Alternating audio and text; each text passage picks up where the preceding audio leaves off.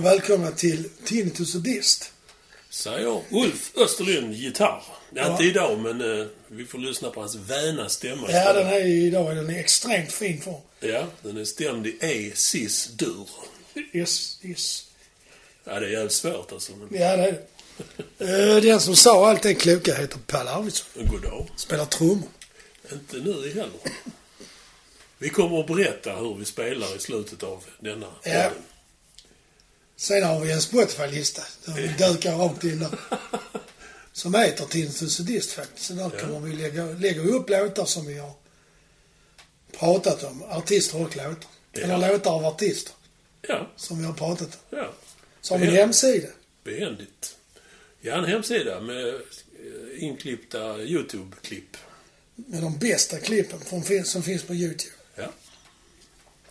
Och den hittar man på www.tinnitus.weebly.com är det va? Jag frågar inte mig. Weebly stavas då W-E-E-B-L-Y. Ja, eller så kan man ju ta genvägen via Facebook, för där ligger alla länkarna till Spotify-lista och hemsida. Ja, det gör de ibland. Får Ja, man får gärna lov att sända hjärtan till oss gamla gubbkar. Ja, precis. Vad ska vi prata om idag? Ja, vi tänkte ju gå på, lite in på finkulturen inom rocken. Ja, vi ska gå på opera faktiskt. Ja, så är det. Det är ju helt sjukt. Fräken är på. Det känns ju som det är två världar som aldrig skulle möts, men det har de och det Ja, har gått för- bra, Ja. tycker vi. Så vi ska rockopera, vad är då det? Ja. En sekvens av låtar som använder ett tema. Ja, det finns Eller ju... beskriva, beskriva temat i, i låten. Ja, det finns ju temaplattor ju, men detta är ju ett steg till ju. Ja, egentligen så är det väl, kan man väl kalla det rockopera för konceptalbum, kanske inte det? Det är ju På inget dumt, sätt. inget dumt namn där. Men jag vet inte varför man kallar det för rockopera egentligen. Pretentiöst. kan ju vara det där med att de var kompositörer och inte låtskrivare utan och skrev sviter som vi har retat vissa band för. Och så kanske är det mindre moms som det är o- Det kan vara sådana affärsmässiga detaljer också. Skattefritt. Den första rockoperan påstås eh, vara eh, SF Sorrow Ja. från 68 av Pretty Things. Det är en platta då som heter så. Jaha. Aldrig hört talas om. Ja, det hade inte jag heller. Ja, bandet har man ju hört. Ja, det är en snubbe på New York Times, Neil Strauss, som menar att det är den första. Aha. Men eh, jag tror aldrig den sattes upp liksom, utan det gjordes en skiva som kallas rockopera. Ja, okej. Sen så sattes den aldrig upp. Men vi kommer att gå all in med... The Who's rockopera Tommy. Ja. Flipperspelskillen. Ja, precis. Och den är gjord både som platta och spelad live i sin Ja. helhet och gjord som film. Just det, där kom en film också. Plattan kom eh, 69 och filmen kom 75. Det är rätt långt efter ändå. Ja, det är det. Men eh, enligt Townsend så var det lite... Han var väl egentligen inte så sugen på att göra en film, men han, det, det var lite dribbel fram och tillbaka med ol- olika sätt att göra filmen och olika manus och sånt. Så Ja. att det tog lite tid, men till sist så Ken Russell är ju den som Mm. gör eh, filmen. Ja, just det. Pete Townsend som har skrivit det allra mesta i, av låtar och, och texterna till eh, Tommy. Ja. Han började skriva 67 Oj. och började spela in, man började spela in plattan under 68 men den gavs ut 69. Mm. Och det blev faktiskt en rätt stor succé. Ja. När albumet släpptes så var det många kritiker som menade att det var ett mästerverk och början på en ny ge- genre inom rockmusik. Ja, det kan man ju säga, för det kom ju många temaplattor. Ja, det gjorde det. 70-talet. Ja. Men Ja, det, efter det också. Det fanns någon som tyckte att det var sjukt. Att den var sjuk för att det, var, det är rätt så mörka tema i plattan. Där är ju Ja. barn, där är ju pedofili och reli- Ja. religiösa ö- undertoner och Ja. psykolog, alltså, Sekttänk. ja lite så. så. Där är en låt som heter Fiddle About och det handlar ju om, Uncle Ernest. ja, som tafsar på barnen tror jag det. Ja. Det är ju inte Så det är direkt, tunga teman han tar upp faktiskt. eh, inte direkt tio toppmaterial. Alltså den blev faktiskt förbjuden på BBC, och vissa amerikanska radiostationer. Ja. Kanske var det också för att den eh, kritiserar ju lite det här sekttänkandet. Ja, Och det underförstått det religiösa då. ja, ja. Men det blev en rätt stor eh, försäljningssuccé faktiskt. ja. Och The Who's eh, anseende och, popularitet också ökade. Ja, det var väl en, en period just då, 67, 68, 69 kanske. Där de, för det första började de bli inom citationstecken gamla. Ja, i popvärlden kan man säga. Ja. Eh, Och de, det gick ju inte bra, särskilt bra ekonomiskt. För de hade ju det här att de skulle slå sönder ja, det blev allting. dyrt. Det blev dyrt, ja. Ja. De gick ju back på alla sina turnéer. Jag har sett en intervju igår med Roger Daltrey berättar när de satt på mötet där de förklarar för dem att ni har alltså 100 000 pund i skuld, eller en miljon pund i skuld. Och det var då i slutet av 60-talet kan man ju tänka mycket Fulla pengar var. arenor och så sk- skuld. De bara skrattade så de kunde inte ta in det. De bara skrattade. Det var helt absurt. Men det hade ändå gått, alltså trots det så hade det gått bra med Townsend hade ju skrivit en räcka singelhits där. Ja. Det, alltså innan han började skriva på Tommy så, så han kände sig lite, ville bredda sig och kände sig lite trött på den delen av popsidan. Ja, ja. Kanske till och med lite utbränd och tom. Så han Ja. ville göra något djupare, tyckte han. ja, ja.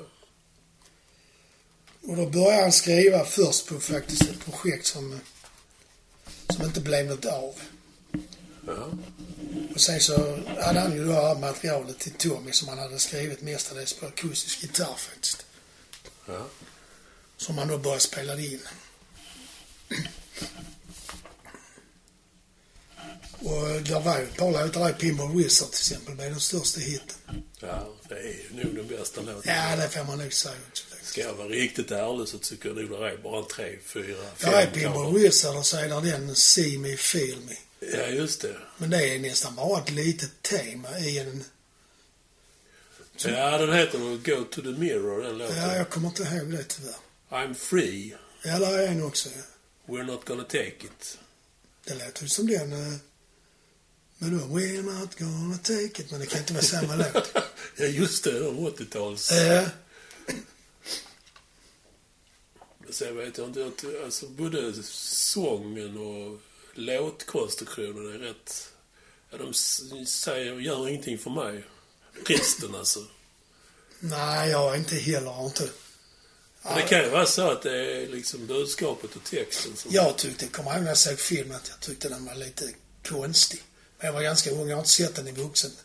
Alltså sen jag blev Men 24. alla filmer på alltså popfilm, alltså den kulturen, inte bara musik, utan popkulturen. De filmerna är ju sjuka på 60-talet. Ja, men den filmen är gjord 75, men det är klart den är skriven på 60-talet. så. Ja.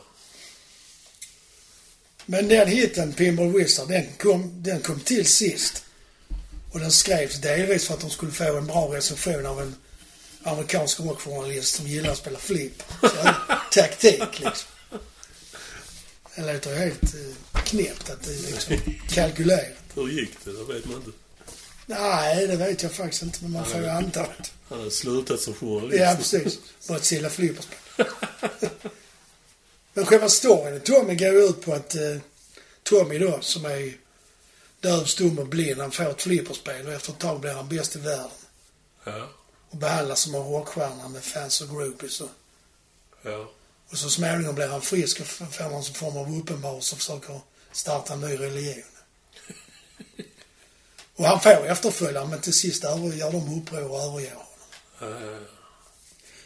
Och så behandlar han då det här med, han är ju, han är inte så väl behandlad av sin, eh, sina föräldrar. Mamman spelas ju för övrigt av Anne Margaret i filmen. Oh, oh. Roger Daltrey, han säger i någon intervju att det var inte så lätt att gå 29 år testosteronstinn. Och så har han försökt låtsas att Anne med att Margaret var min mamma. Liksom. Det gick inte så bra tyckte han.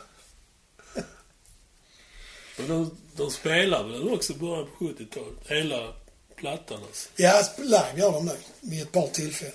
Jag läste någonstans att de, de... Jag tror inte de gjorde det så ofta. Nej, det gjorde de inte. Jag vet inte riktigt varför. Om det blev för jobbigt eller... Ja. Alltså rent musikaliskt för jobbigt. I alla fall när de, när de väl gjorde det så brukar Pete Townshend inleda med att berätta handlingen först. Innan de börjar spela. Ja, ja, för att de skulle hänga med. Det måste vara rätt absurt liksom. ja, faktiskt. Står världens vildaste gitarrist och berättar en historia innan de börjar spela. Men den har ju spelats sen också. Efter det. Den spelades ju under ett par år och sen så spelade de inte hela utan de spelade valda delar och låtar då. Men sen har den ju framförts igen, bland annat på 80 och 90-talet. Ja. Men ibland har de ändrat historien lite. Det verkar rätt flytande det där med, ja. med hur den ska framställas liksom. Beror på vilket humör de är. Ja. En del är ju baserat på Townsends egen barndom men också på vänner som han hade liksom. Ja. Ja, det ska man ju nog inte glömma bort att den generationen som hade föräldrar som var med i andra världskriget. Ja, de måste ha varit rätt tufft alltså. De, man får förutsätta att de är mer eller mindre skadade, de soldaterna som Ja, ja, återvände. ja, ja, det får man anta. Förväntas uppfostra barn och så. Posttraumatisk stress var ju ingenting som fanns Nej, där nej, liksom. Nej. Och behandling för alla minnena, det tror jag inte man fick om man hade varit soldat i kriget. Skärp dig. Ja, visst, röta på ryggen. Visa att du är en man. Nej, men eh, han, han skrev till Tommy som jag sa för han ville ju komma ifrån lite det där med hitsinglar. Han, han hade blivit rätt så påverkad av en österländsk filosof som heter Meredith, eller hette, jag vet inte om han lever, Meredith Baba. Ja. Så han tog lite av hans tankar och vävde in i, i storyn liksom, i, Ja. i uh, operan. Ja. Och han hade ju också, efter Tommy så ville han ju göra ett ännu mer djupare kom, eh, projekt som han kallade för Lifehouse. Ja. Som skulle bygga på de vibbar och de eh, som kan uppstå mellan publiken och bandet. Där man nästan kan känna att man svävar och eh, utomjordiska upplevelser. Det liksom. känns som en jävligt svår uppgift Ja, att beskriva. Han siktade på att skriva musik som kunde reflektera publikens personligheter. Problemet var att det var ingen som begrep liksom hans tankar. Så. Och de låtar han hade skrivit, det hamnade, en del av dem hamnade på Who's Next. Den plattan. Som är Jaha. ju för övrigt en väldigt bra. Ja, det är bra. Upplagt. Ja, ja. Och man, när man spelade in musiken till filmen så gjorde ju Townsend och John Entwistle det, det mesta. Townsend säger själv att han, han gjorde mest. ja. Men som han säger, både Keith Moon och Entwistle är ju döda så de kan inte säga emot. Och det glömde jag säga. Ouvertyren är ju underbar också. Jag tror det är John Entwistle som spelar valthorn. Det är så? Ja, det har jag ingen koll på. Jag var som fan. Ja, det är jävligt pampigt och Ja. fräckt alltså. Men de använder andra musiker, det gör de. Clapton är med till exempel i filmen. Ja, ja, ja. Och det är inte bara, jag ska säga, hittar, jag har skrivit mer engelska. Elton John är ju med, Tina Turner, Clapton. I filmen alltså. Ja, och då, de spelar och jag, Clapton spelar nog också tror jag på något. Jack Nicholson är med i filmen Ann-Margaret som jag sa. Arthur Brown. What? Han är också med på naturen. Men vad han gör det vet jag faktiskt inte riktigt. Ja, jag har sett det, men det var jättelänge sedan den kom knappt. Men skivan sålde i alla fall 20 miljoner. Ja, den sålde och sålt bra. Det gör den. Jättebra, Eh, eh, eh, Daughtry sa i någon intervju att han, när de höll på så kom han på efter ett tag att Tommy var ju tvungen att ha en bärande karaktär eller person, personer som kunde bära låtarna och då lät han håret växa och skaffa sig en massa typiska sådana rockkläder för att han skulle bli den Ja, ja. som personifierade liksom, om det sen är sant eller inte. Han säger det själv i alla fall. Han hävdar också att hans röst blev bättre och växte. Genom att han fick sjunga de, de här, en annan sorts typ av låtar menar han. Ja, Än det de hade gjort tidigare. ja, det kan man köpa. Utvecklande liksom. Eh, efter Tommy och Qu- Quadrophenia så har inte Townsend skrivit filmmusik. Ja. Men även om han faktiskt blev erbjuden att skriva musiken till Blade Runner. Kommer du ihåg den filmen? Ja, ja, Med Harrison Ford. just det. Ja. Men det tackade han nej till. Och The Guardian gjorde ju en, eh, skrev en recension efter att filmen hade kom, blivit re-released 2019. Jaså? Där eh, han som skriver recensionen menar att det riktigt intressanta med Tommy det är att den kopplar ihop 60-talsgenerationen med, med deras krigstida barndomsminnen då från andra världskriget. Ja, ja. Vilket var ganska ovanligt eftersom de oftast var åtskilda i kulturen. De levde varsitt, Ja, varsitt det spår kan, ja, liksom. absolut. Och det är, ju, det är ju egentligen konstigt med tanke på att det var ju 60-talsgenerationens föräldrar som stred. De är ju födda på 40-talet och unga 20 Ja, på 60-talet. Det var ju deras föräldrar som stred under kriget. ja, ja. Så det är konstigt att den kopplingen inte har gjorts tidigare i kulturen. Faktiskt, ja. Och det som hände, det påverkade ju såklart de barnen. Ja, Keith Richards säger till exempel att eh, först, när han hörde blues första gången, då, början av 60-talet, då gick världen från att vara svartvit till att bli färg. Liksom. För han upplevde England som väldigt grått och tråkigt och, ja. Det och ransonering på jättemycket och Ja, tufft 45. efter kriget. Ja, det var Allting var ju bombat. Ja, väldigt mycket. Och ekonomin var ju Ja, antagligen väldigt dålig också. Med tanke på att de la ju mycket resurser på strid. ja. Kostar pengar och krig. Det gör det. Ja, det var ju Tommy då alltså. Ja, vi ska väl så småningom pallra oss vidare i rockoperans värld. Ja, vi ska väl bara ha ett pausobjekt först. då. Ja, en pausfågel som spelar trummor. Ny.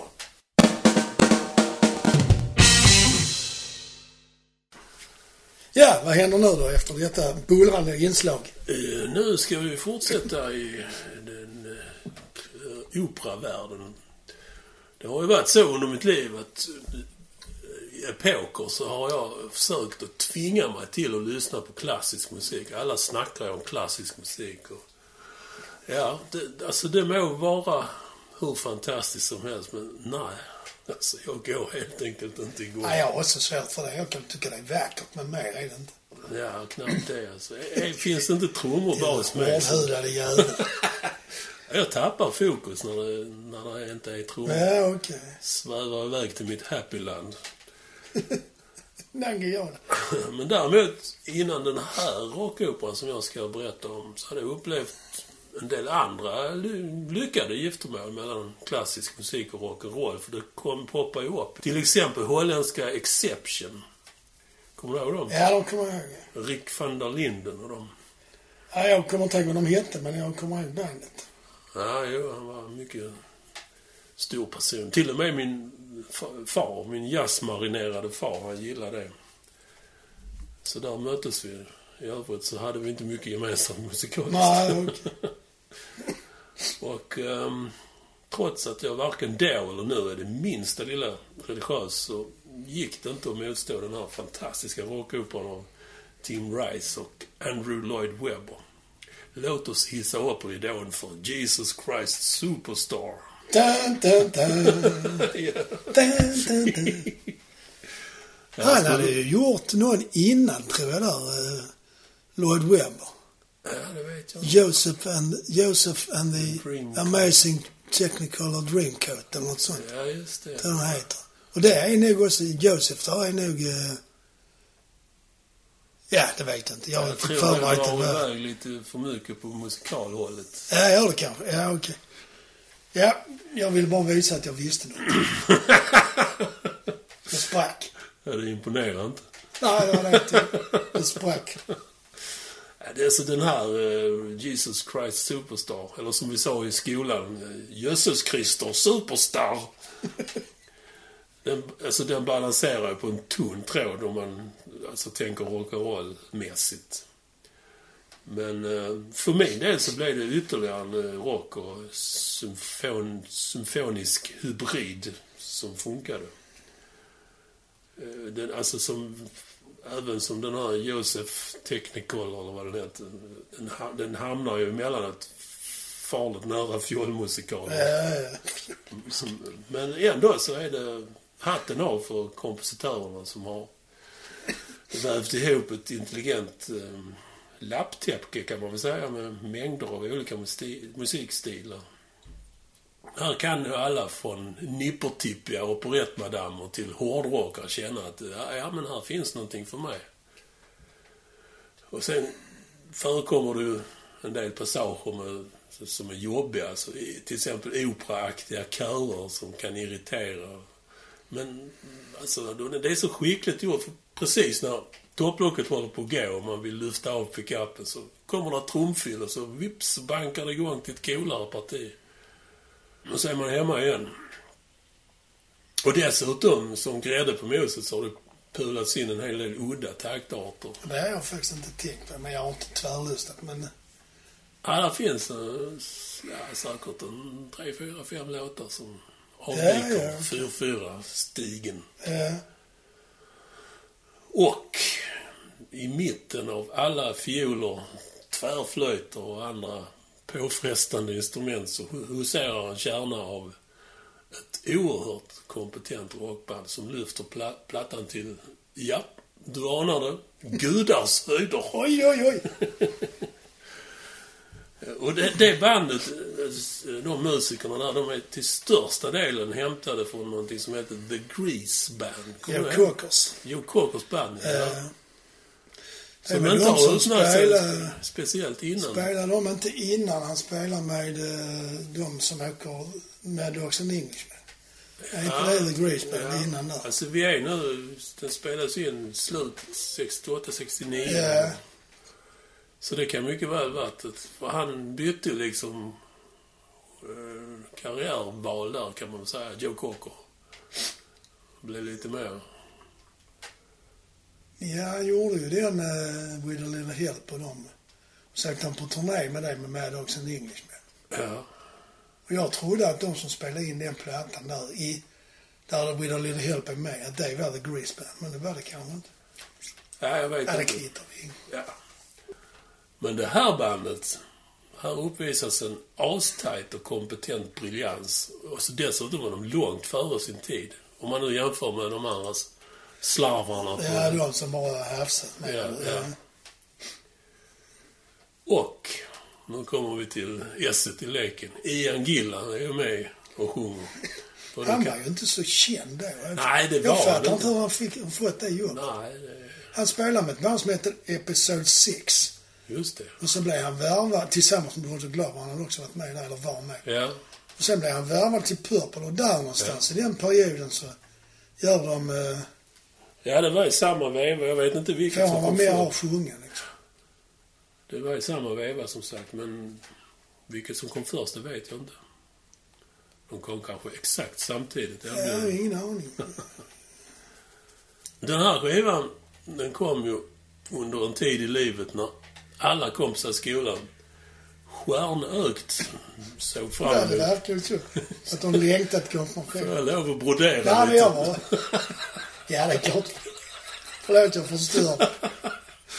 Och jag Alla vet att jag mig, alla satt och timrade med ögonen. Ska Ja, det- snart Det är konfirmeras. lite den effekten jag vill ha fram. De såg fram emot sin konfirmation. Det är fina grejer. Och för min generation så inträffade konfirmationen exakt när den här skivan Jesus Christ Superstar kom. Så det låg absolut rätt i tiden. Själv kände jag att konfirmation, bara ordet konfirmation, tänk på vad det betyder. Nu ska vi stadfästa att du... Precis, att du är i vår gemens- kristna gemenskap. Ja.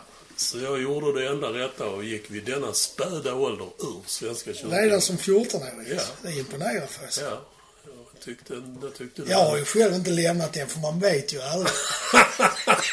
Håll alla dörrar öppna. Det kan ju vara så. Och där har vi ju en anledning till att jag liksom, och plus att jag är relativt obrydd om texter i musik. Så att jag kommer inte till att kommentera handlingen i det här. Ja, men det går alltså ut på att Jesus föds, Nej. korsfäst, korsfäst Ja, och men- dör. Ja, det, jag kan väl nämna att... Eh, Ja, men det är ju Det var du känner till Jesus. Ja, ja, ja. Han Men- ju vara Guds son och han blev då dödad på korset. Jaha, det är den Jesus. Ja, du tänker kanske på Brian. Life of Brian. Nej, det handlar ju om hans sista vecka i livet. Ja, så ja, mycket kan jag ja. släppa till med. Och Tim Rice och Andrew Lloyd Webber, de, de tog ju ut svängarna rejält när de skrev manuset. vil- Vilket fick horder av hardcore Jesus-supporters runt hela världen att se rött. Oftast utan att ha sett filmen. Ja, ja, eller ja, ja. sett, Det- hört Ryktesvägen. musiken eller sett den kommande filmen. De båda eh, herrarna, de skrev ju den här och de hade i bakhuvudet hela tiden att det här ska upp på Broadway som en live. Han var, som du nämnde, han har tydligen varit inne på Broadway innan och härjat. Ja, I, I alla fall Andrew Lloyd Webber. Eh, Så det var ju det som var målet från början. Men det visade sig vara svårt att sälja in. ja, fan. För i slutet på 60-talet så var det ju ingen som vågade satsa minsta lilla cent på någonting som kunde uppfattas som blasfemi i det superreligiösa. Det känns ju nästan som det är tillbaks dit faktiskt. Ja, ja, vi, ja, ja det är väldigt eh, 50 år lättkränkt nu för tiden. Eh, Så vi har ju haft några gyllene decennier där vi har fått kunna släppa iväg Ja, skämt du hade nog utan... inte fått gå ur kyrkan idag. inte det heller. Så av den anledningen, att det sprack på Broadway, så, så släppte man först eh, singel med eh, titellåten Superstar. Ja, Okej. Och något senare så kom då det här dubbelalbumet. Och vi är alltså framme vid 1970 nu. Och direkt så blev BBC, precis som du sa om eh, Tommy, de blev ju ängsliga och bannlyste musiken i radion. Till en början. Ja, de är ju väldigt... Men eh, den här ängsligheten, den övervanns med tiden. Albumet blev ju såklart en kioskvältare i alla läger, över hela världen. Bara under 70-talet så sålde den 7 miljoner ex. Eh, Och den här rockoperan, den framfördes för första gången live. Jag tror det var med Ian Gillan, men jag är inte säker. Så enbart som konsert alltså. ja, okej. I... eh, Kom Pete Townsend in då och berättade handlingen också? Ja, det gjorde Helbränd. det tog lång tid. Spelande luft, spelandes luftigt. Nej, det, det, var, det var då i St. Paul's Cathedral. Cathedral. Där tror jag faktiskt att jag har varit. Ja, det är en stor rackare. Och det, det blev också succé. När de, Det står. den blev stor, ja. Och efter dessa framgångar så var ju manegen krattad och först nu så vädrar man morgonluft i USA. Så den sattes upp på Broadway eh, 71. Men äh, jänkarna var ju sent ute så att eh, faktum är att förlaget dessförinnan fick lägga mycket jobb och sätta stopp för runt 30-tal illegala Jesus Christ-uppsättningar runt om i hela USA. Så de hade liksom gått i förväg där. Ja, ja, okej. Den blev ju såklart en formidabel fullträff på Broadway. Den gick för fulla hus ända fram till 1980, det är alltså nästan 10 år. Ja, det är länge för att vara där. Ja. Eh, Och även i London, de har ju sin motsvarighet som heter West End. ja, just det. Där gick den också fram till 1980. Sen så gick det åt helskotta för då kom ju Cats och sen var det All Musical igen. Ja, okej, då tog de över. En försiktig beräkning på scenuppsättningen så har de dragit in ja, över 250 miljoner. Oj. Över hela världen alltså, men det är en Ja. jädra massa pengar. Men det räckte ju inte under 70-talet för suget var större än så. 1973 så kom även här en filmversion. Den har jag sett. Den tycker jag är rätt Det kul är jättebra. Ja. De kommer teatersällskap körande i en buss. Just det. Och så ser- tar de ut grabbar bär ut grabbarna. Sen spelar de upp det som om det var på riktigt. Alltså, Ja, ja. Och det är alltså den uppsättningen som spelade på Broadway också. Det är. Ja, samma artist, folk. Han är rätt bra den sångaren. Rätt, rätt speciell röst faktiskt. Jag kommer inte ihåg vad han heter. Nej, jag kommer inte heller ihåg med till. Men de hade även toppat med mängder av eh, statister i form av påtända hippies som fick följa med. Och det, alltså den spelades in i, övervägande del spelades in i Israel. Den kostade 3,5 miljoner dollar att spela in. De drog in över 40 miljoner dollar. Ja, Så de var väl nöjda, de cigarrökande filmbolagsgubbarna. ja, precis. Och eh, Jesus Christ Superstar översattes. Men där, jag för mig att jag läst någonstans att Gillan blev tillfrågad om att göra huvudrollen. I filmen också. Ja, det stämmer. Det stämmer, men då, det, nu, alltså vi är framme vid 73, som jag sa. Ja, Och då hade ju saker och ting börjat bli stekheta för uh, Deep Purple. Så han klokt nog tackade han nej. men samtidigt tackade han nej till Purple och han som var då någon gång. Alltså, när slutade han då? 74? Var inte det längre fram? Ja, jag tror det var 70... Då någon gång. De gjorde ju den Who Do We Think We Are, det, är deras sista platta. Studioplatta. Ja, det är det. Där är han med och sen så är det Coverdale som kommer på Burn. Ja, han hade kanske lika mycket otur som han hade tur. Ja, det kanske. För han Ja. fick bägge Ja. rollerna. Men eh, ja, den översattes ju då till en mängd olika språk och såklart även svenska. Den sattes upp på Skandinavium i Göteborg 72. Mm. Och då spelade man även in ett album och där var det Bru- Bruno Wintzell och Agneta Ja. Fältskog. Och lite intressant för oss som är från Malmö att det fanns en del storheter från Malmö i besättningen och Dan Tillberg spelade rollen som Simon. Och i ensemblen så kunde man hitta Tommy Hansson från Namelosers och Stefan Ahlqvist från Problem. Vad menar du med ensemble? Alltså de är på scen? Ja, jag tror inte de har några bärande Nej, de är med Ja. liksom. Ja, okej. Men eh, ja, jag hade ju redan varit nöjd med att bära in grejerna och varit med, om ett sånt Ja, spektakel. visst.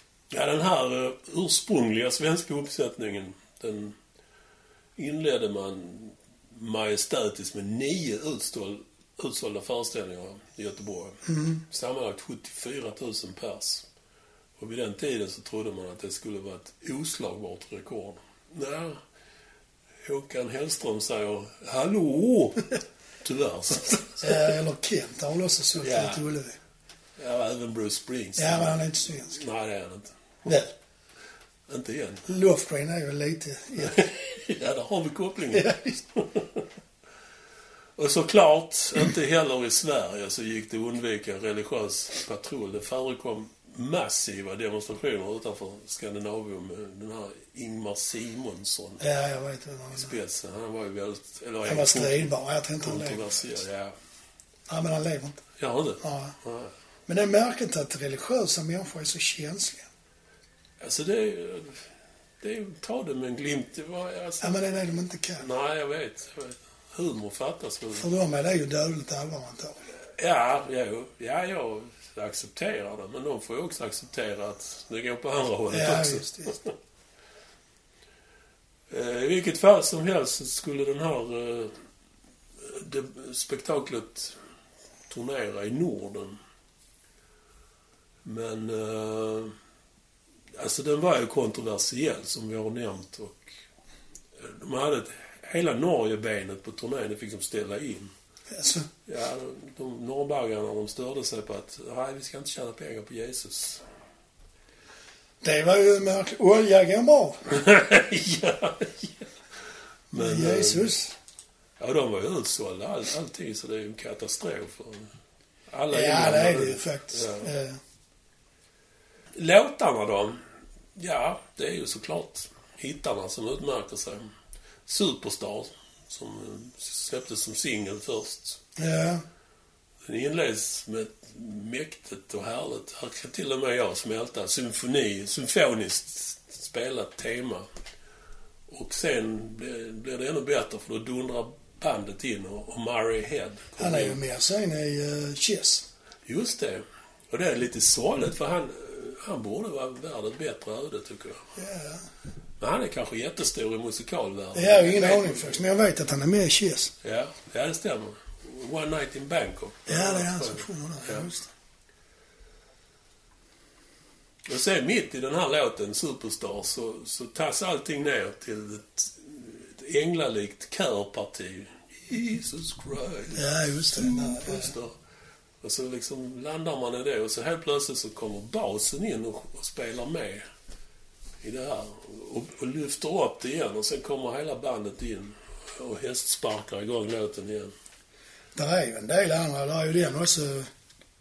Det är någonting där som Ian Gillan sjunger om eh, när han går i Getsemane-trädgården. Så som heter nog det. Låten heter nog så den är rätt fin den också. Ja. Ja, där är, där är en del... Är den What's the bus? Ja. What's the bus? Tell me what's happening? What's the bus? ja. Har du en udda taktpart? Nej, Var det Ja. det? Vad är det mer där i den som hon sjunger? I don't know how to love him. Är inte det Yvonne, i filmen är det Yvonne Elliman? Jag tror det är hon på skivan också. Så är det. Ja. Hon spelar med Clapton sen. Ja. Jag var med på en del av hans plattor från 70-talet. Ja, som du vet så trots mitt stenhårda yttre så har jag även en romantisk sida. Den här balladen I Det är därför jag har gummikalsonger. Läder. Ja. Den här balladen är ju smäkt. Jag tycker de påminner lite om um, Bangles. Jaså? De är jag också lite svag för. Men det kommer jag aldrig att erkänna. Nej, nej, nej, nej. Det förstår. Och så naturligtvis ska vi ju icke sidsteppa Ian Gillan. Eh, Som du nämnde här, den. Och sen har, han en lite funkig låt som heter... Egentligen är det två låtar misstänker jag. Och det heter What's the Buzz. Det var den jag försökte sjunga lite. Var det den? What's the bus? Tell me what's happening? What's the... Just det. Strange thing mystifying. Heter Ja. andra delen. Och här, han sjunger jävligt coolt och bluesigt här. Och de spelar funkigt så det blir en skön, skön Ja. krock. Och här, här delar vi även ut ett gulddiplom till basisten Allan Spenn. Ja, basista-jäveln. Han är tyvärr inte med oss längre men alltså det är ett kreativt och drivet basspel. Ja, fan. Det är som alla basister vill spela men Men inte kan. Nej, Eller får. nej, men det är alltså alla de här tonerna, de måste ju sitta exakt rätt. Och gör de inte det så trillar alltihopa. Ja, då blir det han, han är tajt alltså. Ja, Jävlar. ja, Ja, sammanfattningsvis. Det råder inget tvivel om att Jesus Christ Superstar är en odödlig klassiker som har levt ett oerhört långt liv. Ja, framgångsrikt. Hela vägen fram till våra dagar. Den har ju varit på Malmö stadsteater ett par gånger jag vet. Alltså, ja, ja. Jag misstänker att de har släppt rättigheterna på något sätt. För den poppar upp här och var. tror jag inte. De köper väl rätten att sätta Ja, upp. kanske. Jag har ingen aning. Jag tror man betalar för det faktiskt. Nu i sommar så kommer det ytterligare en svensk uppsättning med Peter Jöback och Ola Salo. Ja, just det. Det var Olle Salo som var på Malmö Opera. Ja, just det ja. Då Just det. spelade han Jesus tror jag. Men Jag tror det var en konsertvariant. Ja, det var det kanske. Och även detta. Jag såg något klipp igår från eh, Ola Salo och Peter Jöback. Och det verkar till vara en konsert Ja, det är det kanske. med mycket glitter och glamour. Så det känns ju lite... Mm, men det, vi lever ju i Eurovision Ja, just det. årtiondet. Ja. Så det är väl kanske där. Jag vet inte. Ja, men då lägger vi väl ner detta projekt. Ja, vi lägger på luren och ringer upp snarast. Så en telefoniskoppling som ingen begrep. Tack för idag. Hej då. Hej då!